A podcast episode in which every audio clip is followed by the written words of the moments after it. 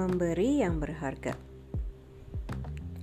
Tuhan Yesus mau memberikan hidupnya untuk kita semua. Dia memberikan yang berharga untuk manusia.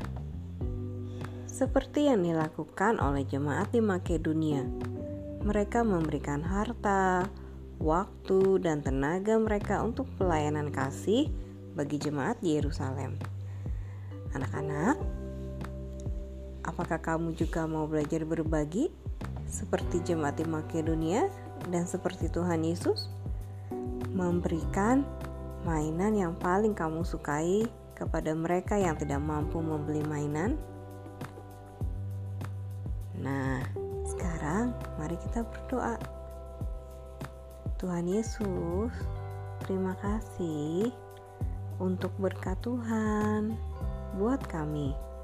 Ajar kami untuk mau berbagi dengan sesama. Terima kasih Tuhan. Amin.